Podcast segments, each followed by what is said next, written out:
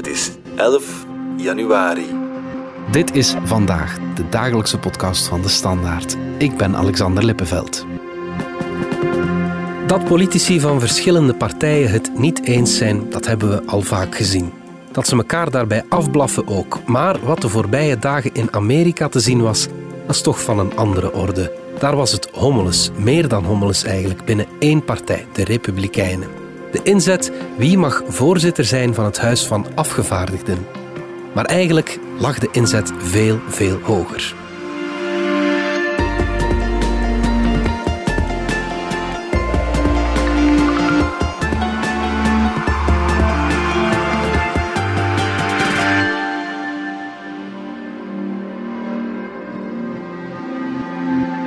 no member elect having received a majority of the votes cast, the Speaker has not been elected.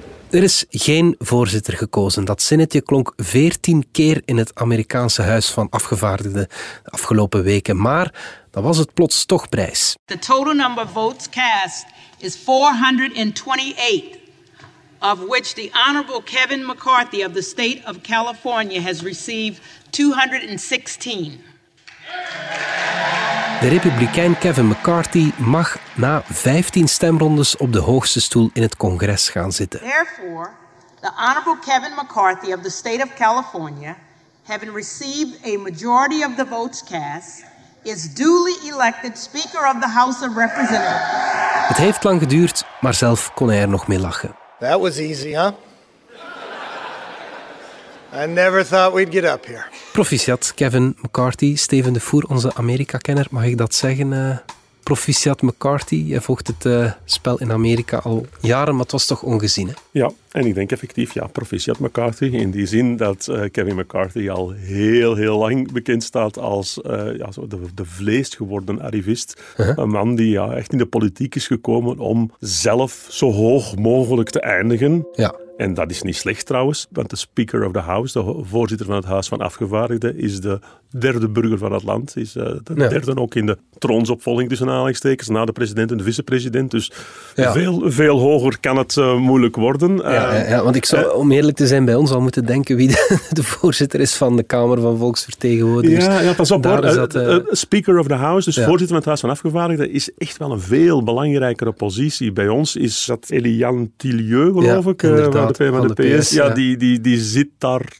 toch maar gewoon een beetje de vergaderingen min of meer in goede banen te leiden. Het is waarschijnlijk meer dan dat, maar bon. Maar, ja. nee, nee, maar in de Verenigde Staten ben je dan tegelijkertijd de voorzitter van het belangrijkste van de twee kamers van het congres. Maar bepaal je eigenlijk ook de regels. Bepaal je zelfs uh, welke onderwerpen er mogen behandeld worden en zo. Je okay. bepaalt eigenlijk de volledige agenda van dat Huis van Afgevaardigden. Ja. En je bepaalt bijvoorbeeld ook de tuchtregels, wat ook een van de redenen is waarom we zo'n merkwaardig schouwspel hebben gehad. De laatste keer dat een, een Speaker of the House niet bij de eerste stemronde in de eerste zitting uh, werd verkozen, was in 1923, precies 100 jaar geleden. Dat zijn en de laatste tijden. keer dat het zo lang duurde als nu, enfin, toen nog een stuk langer, was in 1860. Ja, net op het punt dat het land uh, vlak voor de, vlak voor de burgeroorlog stond. Dus kortom, dit was uh, gênant met grote G. We luisteren nog even naar de eerste reactie van McCarthy na zijn benoeming. If there's one thing I want the country to hopefully learn about me this week is that I will never give up. That means I'll never give up for you, that we will continue to fight for you to make sure we follow through on the commitment to America. Laten we eens kijken naar die Kevin McCarthy. Wat voor iemand is dat? Wel, de vleesgeworden carrièrepoliticus. Hè? Dus ja. iemand die, die in de politiek is gegaan uit zeer hoge individuele ambities. Uh -huh maar die uh, nog niet te vaak op een principe is, is betrapt in okay. zijn leven. Okay, ja. uh, wat uh, soms handig is, omdat je dan heel gemakkelijk kunt aanpassen aan de omstandigheden. En dat heeft dat ook wel heel vaak gedaan. McCarthy leunde in het verleden beurtelings aan bij de meer pragmatische, meer centrumgerichte republikeinen en dan weer met de, uh, bij, de, bij, bij de meer radicale. Was absoluut op de hand van Donald Trump. Gewoon omdat Trump zo machtig is en hij zoekt altijd de macht op. Uh -huh. Tot op het moment van uh, 6 januari en dat in die allereerste dagen daarna ja, natuurlijk die congresleden zelf De bestorming die, van het Ja, Capitool ja, je? bestormingen van het, van het Capitool, die mensen hebben zelf voor hun leven gevreesd. En dus toen, eh, raar maar waar, waren er dus ook republikeinse kopstukken die, die Trump de schuld gaven, waaronder ook McCarthy. Ja, hij was toen de leider van de Republikeinen, ook in de Hij was de, leider Kamer, van de Republikeinse fractie. Mark Ja. Pelosi was Speaker of the House, omdat de Democraten met meer waren. hè. Dus hij was de leider van de Republikeinse minderheidsfractie. Maar hij heeft toen wel degelijk gezegd: eh, dit is gewoon de schuld geweest van Donald Trump. Ja, ja. Maar in een eh, bocht die we heel veel mensen hebben zien maken, en dus zeker een bochtenkampioen bij uitstek, eh, zoals McCarthy, heeft hij in de weken erop gezien van oei, eh, maar Trump is toch nog altijd wel erg populair bij de Republikeinse achterban. Mhm. Dus enkele weken later was het eigenlijk allemaal toch allemaal zo erg niet geweest als Ja. dat hij eerst had gezegd. En zijn ze dan daarna, Trump en, en, en McCarthy, eigenlijk wel terug vriendjes geworden. Eh, in die mate zelfs dat Trump nu, ja, normaal gesproken is Trump niet het type dat zich bezighoudt met dingen die hem niet persoonlijk aanbelangen en in de schijnwerpers zitten. Maar nu had Trump dan toch wel ingezien dat eh, het spektakel dat zich daar aan het eh, ontrollen was, bijzonder kwalijk was voor de hele Republikeinse zaak. En is, is dan toch in de loop van de dagen zich meer en meer beginnen roeren en zeggen van eh, stop hiermee. Ja. De, extreem, de extreme vleugel die McCarthy dus niet wilde helpen verkiezen. Ja. Want op die manier schieten we in ons eigen voet. Ja. Dus hij heeft, Trump heeft wel degelijk nu heeft McCarthy wat geholpen. Ja, ja, over Trump gaan we het zo dadelijk nog hebben. Hè. Maar laat ons even nog de feiten schetsen. De Republikeinen zijn nu eenmaal in de meerderheid in het Huis van Afgevaardigden sinds kort. Maar wat was dan juist het, het probleem? Want je zou denken, ja bon, we hebben een meerderheid, we drukken gewoon op ja. Wel, het probleem is eigenlijk het bestaan van de Freedom Caucus. Dus dat is een groep van mensen van een gelijke gezindheid. Ja. En eh, laat ons zeggen, herinner u eh, de late Nillies, vanaf 2008, 2009 zo, dat toen met eh, Sarah Palin als boegbeeld, dat de fameuze Tea Party Ja. toen erg populair is geworden. Dat waren zeer radicaal conservatieve mensen, over het algemeen ook zeer gelovig. Ja. Maar die dus eh, die, die de Republikeinse partij een, eh, grote ruk naar rechts hebben laten maken. En die dan, zeer eigenaardig, gezien de levensstijl en zo van Donald Trump, maar die op een eh, heel merkwaardige manier eigenlijk is overgegaan in het Trumpisme. Wel, dus de Tea Party is zo wat Trumpisme geworden, en, maar ook steeds radicaler geworden. Ja. En dus die Freedom Caucus, die dus de, de, de, de meest eh, radicale factie van die partij was, die is meer en meer beginnen opvallen. Nu, bij de vorige legislatuur ging het uiteindelijk toch nog altijd maar om een man of acht, negen, die erg opviel, met als beroemdste voorbeeld eh, Marjorie Taylor Greene Ja. eh, uit, eh, uit Georgia. Die blonde vrouw die voortdurend in het nieuws kwam met ja, zich uitspreken voor de allermafste samensweringstheorieën van het QAnon-genre. Ja. Zeer zwaar antisemitische uitspraken met als toppunt dat de Joodse bankiersfamilie Rothschild dat die achter de bosbranden in Californië zaten, maar dat ze dan een soort van ruimtetelescoop hadden om de daar mee te, mee te vergroten en zo. Ja, een jaar geleden maakten ze ook een rare vergelijking tussen de holocaust en de mondmaskerplicht voor parlementsleden die eh, de toenmalige voorzitter eh, Nancy Pelosi voorstelde. We luisteren even naar Marjorie Taylor Greene. And I think any any rational Jewish person didn't like what happened in, in Nazi Germany, and any rational Jewish person doesn't like what's happening with overbearing mask mandates and overbearing vaccine policies. Steven, dat eh, groepje, die Freedom Caucus, heeft nog een andere naam. hè? Officieel heten zij de Freedom Caucus. Ja, ja. Om de zoveel jaar ga ik wel eens een paar dagen eh, echt in het congres zitten. Ik vind dat je die sfeer aan me toe moet kunnen opsnuiven. En eh, wat mij daar de laatste keer opviel, is dat dus niet alleen de journalisten, maar ook de mensen die daar de boel organiseren eigenlijk, de, van de perstribune en zo, die spreken daar openlijk over de Crazy Caucus. Oké, ja. Dus dat wordt eigenlijk redelijk algemeen Dat eh, wil daar wat zo zeggen, eh, ja, maar. Dat, dus, dus ja, tot nu toe. En ja, ja, je had je bijvoorbeeld Lauren Burbert, ook, eh, ook zo iemand. Dat is die vrouw die ja, verkozen is geraken vanwege haar populariteit, omdat ze in Colorado een themarestaurant uitbaatte, helemaal in het teken van van wapens. Bedoel, zotten. Echt Ja. zotten. Ja, ja, ja, absoluut. Die waren met acht of met negen. Ja. En ik weet het, we hebben, en dat is van belang, we hebben het er eh, volgens mij hier ook al ook over gehad, dat Donald Trump is gefaald met zijn fameuze koepoging om te zorgen dat er allemaal heel extremistische gouverneurs verkozen zouden worden en zo. Dat is inderdaad vermeden. Maar het aantal leden van de Freedom Caucus, van de Crazy Caucus dus, is wel degelijk behoorlijk gegroeid nog in het Huis van Afgevaardigden. Het is nu niet meer met acht of met maar met een twintigtal. Ja, En dat is een groot probleem, omdat, herinner u andermaal, dat iedereen dacht van dat bij de midtermverkiezingen de Republikeinen een gigantische overwinning gingen boeken, dat het een bloedbad ging worden. Ja. Ze hebben uiteindelijk de Senaat niet gewonnen. En ze hebben het Huis van Afgevaardigden wel overgenomen, maar veel nipter dan verwacht werd.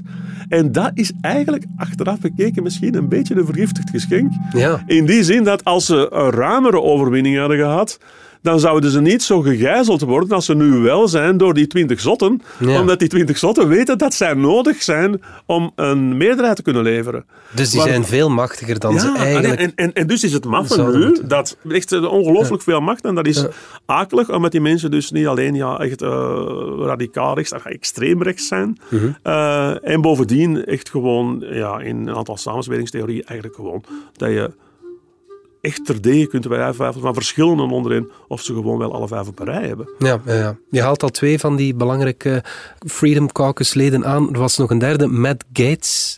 Die heeft ook wel heel wat gedaan. Die stelt laatste zich wel heel erg graag in de picture. Ja. Die eh, probeert zich wel als de leider van die gang voorop te stellen. Dat heeft zich dus ook vertaald in een van de meest eh, merkwaardige scènes van vorige vrijdag tot zaterdagnacht. Mhm. We zaten aan stemming 14. Je zag aan het gezicht van Kevin McCarthy dat hij eh, dacht van... Hé, hé, het gaat eindelijk lukken, want Gates heeft gezegd dat hij dan toch voor mij gaat stemmen en eh, dat hij de anderen wel zal meetrekken.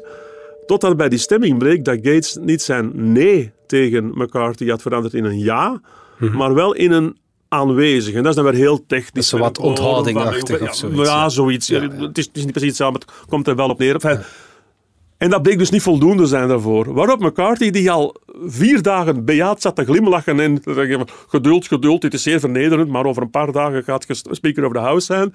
Dat hij uit zijn rol viel en daar dus naartoe stoof. eh, daar begon tegen te schelden, waarop dat je dan Gates terug zag, terug zag schelden en met zijn vinger wijzen.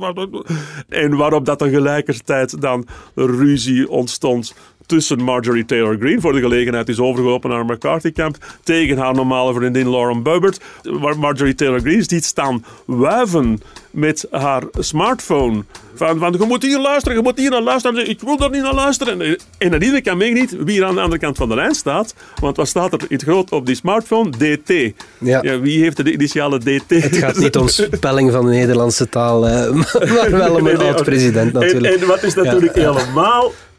Dus heel Amerika komt mee dat allemaal van op de eerste rij volgen. Ja, ja. Enfin, ik, ik lach er nu mee omdat het een, eh, zo'n beschamend spektakel is en omdat het eh, ja, wat goed doet om, om met die gevaarlijke mensen eh, af en toe te kunnen lachen. Maar de uitkomst is absoluut niet om dit te lachen. Nee, absoluut niet. Maar Kevin McCarthy was wel zo vriendelijk, zeg maar, om achteraf voormalig president Trump te bedanken voor zijn steun.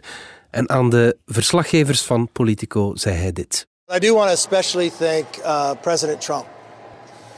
I don't think should anybody should doubt his influence. He was with me from the beginning. Somebody wrote the doubt of whether he was there, and he was all in. He would call me and he would call others. And uh, he really was, I was just talking to him tonight, um, helping get those final votes. Het is toch vreemd, Steven. Ook al had McCarthy de steun van Trump, toch had hij 15 stemronden nodig om de Freedom Caucus te overtuigen. Heeft Trump zijn greep op die Freedom Caucus dan kwijt of had hij daar nooit echt greep op? Hij is nu wel heel erg aan het doen alsof dat het door hem is dat het er uiteindelijk nog doorgekomen is. Wat zoals gebruikelijk een zeer zware overschatting is van zijn invloed. Het probleem van Trump en het probleem van de Republikeinse Partij met Trump is dat zijn macht en invloed zo sterk getaand is dat hij onmogelijk nog terug president kan worden in 2024. Dat is echt, een- dat kan niet meer. Eh, omdat er te veel republikeinen zeggen van ik wil op die man nooit meer stemmen. Eh, maar dat hij tegelijkertijd wel voor, we zeggen, op zijn minst een helft van de republikeinen nog wel hun favoriet is. Dus zolang dat Trump niet vrijwillig de handdoek werpt en zegt van het is tijd aan iemand anders, zitten ze bij die partij met een gigantisch probleem. Ja. Hij is ook niet sterk genoeg meer om uh, het terug in handen te nemen. Juist omdat er zoveel mensen, uh, ja, zoveel mensen, altijd zeggen twee op de tien republikeinen, maar dat is genoeg om, om, om onverkiesbaar te maken, Ja. hem dus echt niet meer lusten. Het zit in details soms, hè. maar neem nu die Matt Gates, uh, die dus ja, toch vier dagen lang zich tegen McCarthy heeft, heeft verzet. Bij de stemming deed hij op een gegeven moment iets dat kan, ook al klinkt het merkwaardig. Maar om Speaker of the House te worden, hoeft je geen lid te zijn van het Huis van Afgevaardigden.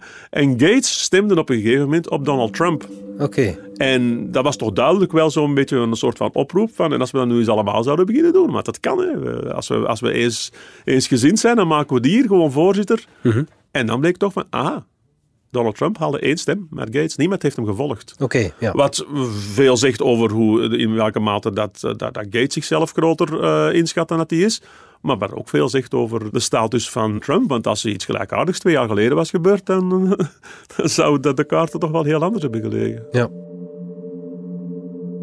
En wat heeft McCarthy dan beloofd aan die Freedom Caucus om hen toch te overtuigen om op hem te stemmen? Het exacte lijst hebben we niet, hè, maar het, is, ja, het kan de kwestie van beloften die ze onderling hebben gemaakt. Ja. Maar we weten het wel in grote lijnen. Uh, in, in, in eerste instantie uh, heel plat, maar wel belangrijk. Uh, lidmaatschap van commissies brengt heel veel geld op. Ja. Maar vooral ook een, uh, zeg maar de belofte van een uh, totale oorlog tegen alles wat dat uh, democratisch is.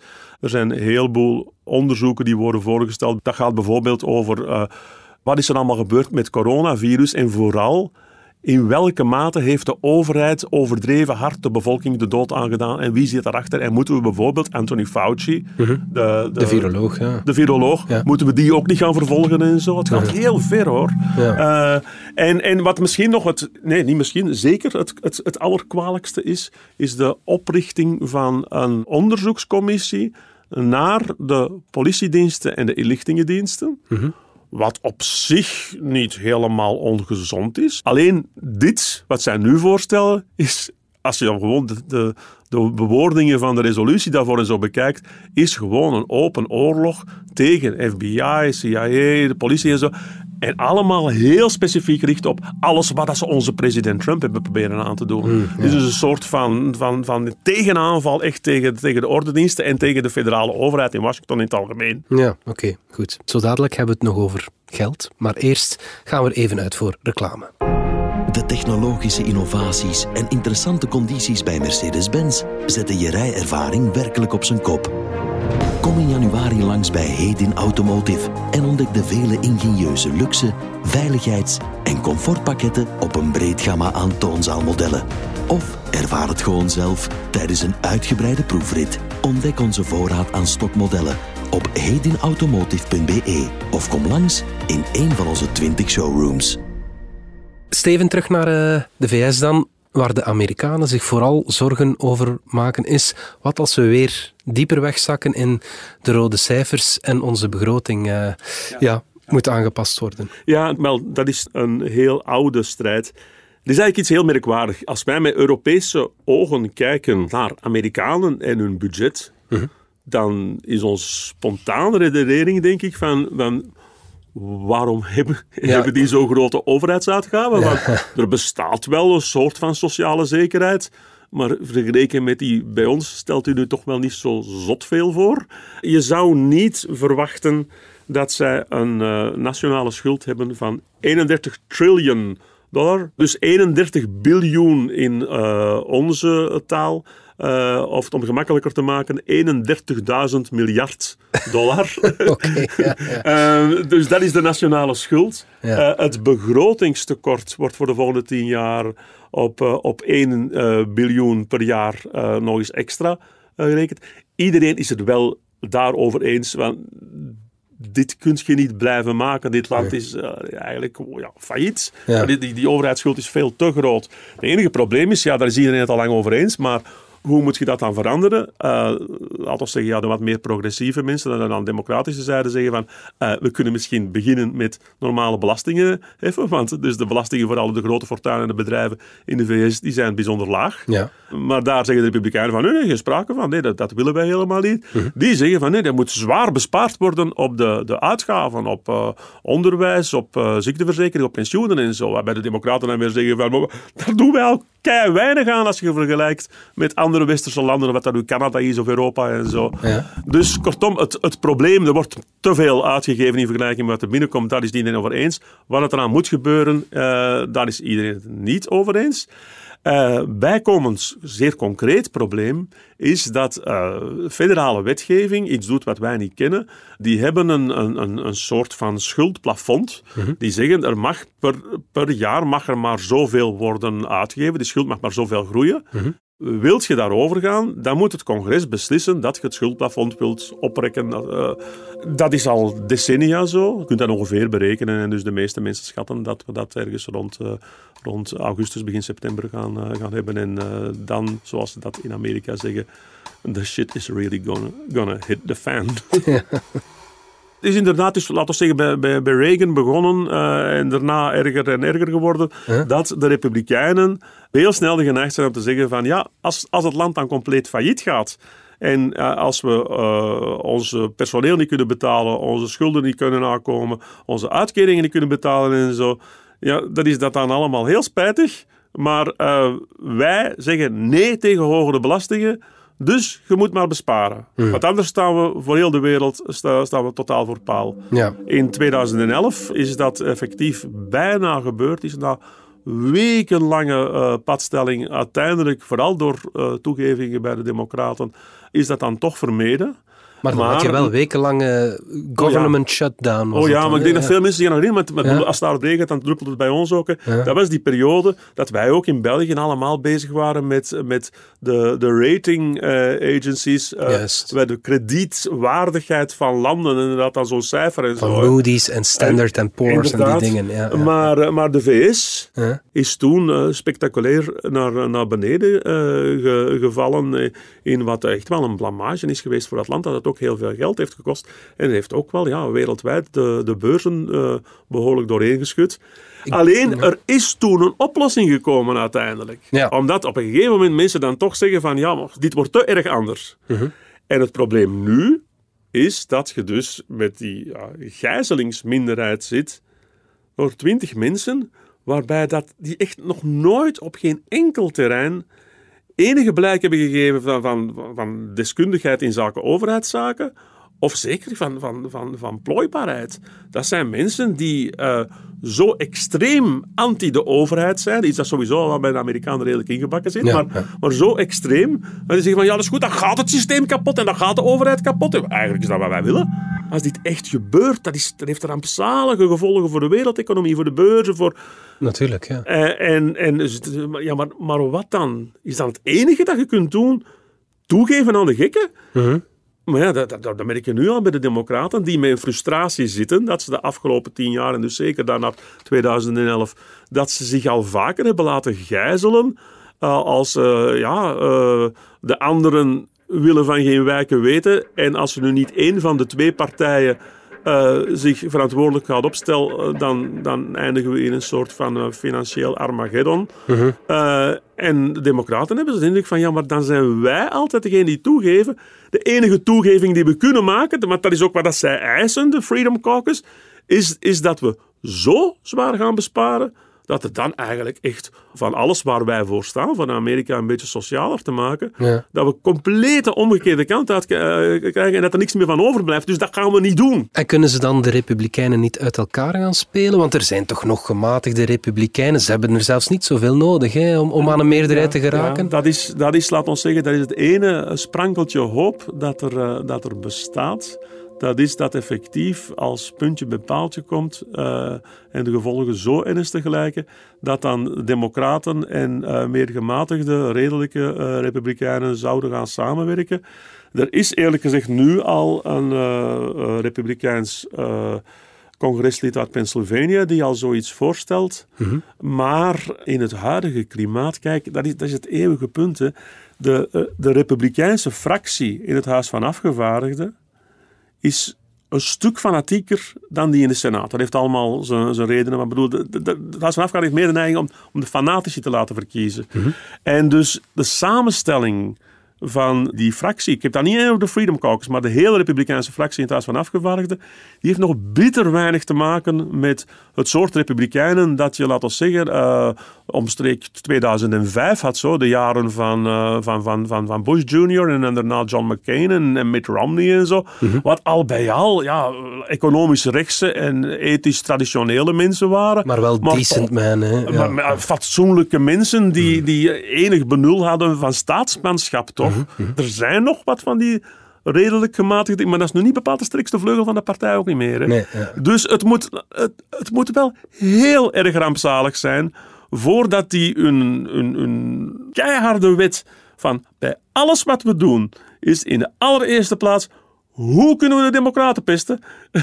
Eh, dat moeten die dan gaan, gaan opgeven, omdat ze weten van anders zijn we echt, echt ja, de extreemrechtse gekken aan het volgen. Uh, het feit alleen al dat dat een moeilijke keuze is om te maken, zegt eigenlijk veel over de toestand van de Republikeinse Partij. Ja. Tijd voor een totale reset in dat land, vind ik, Steven. ja. Ik weet niet hoe dat je die kunt uh, organiseren, maar uh, het is dramatisch. Mm, Oké, okay. Steven de Voer, dankjewel. Dag gedaan.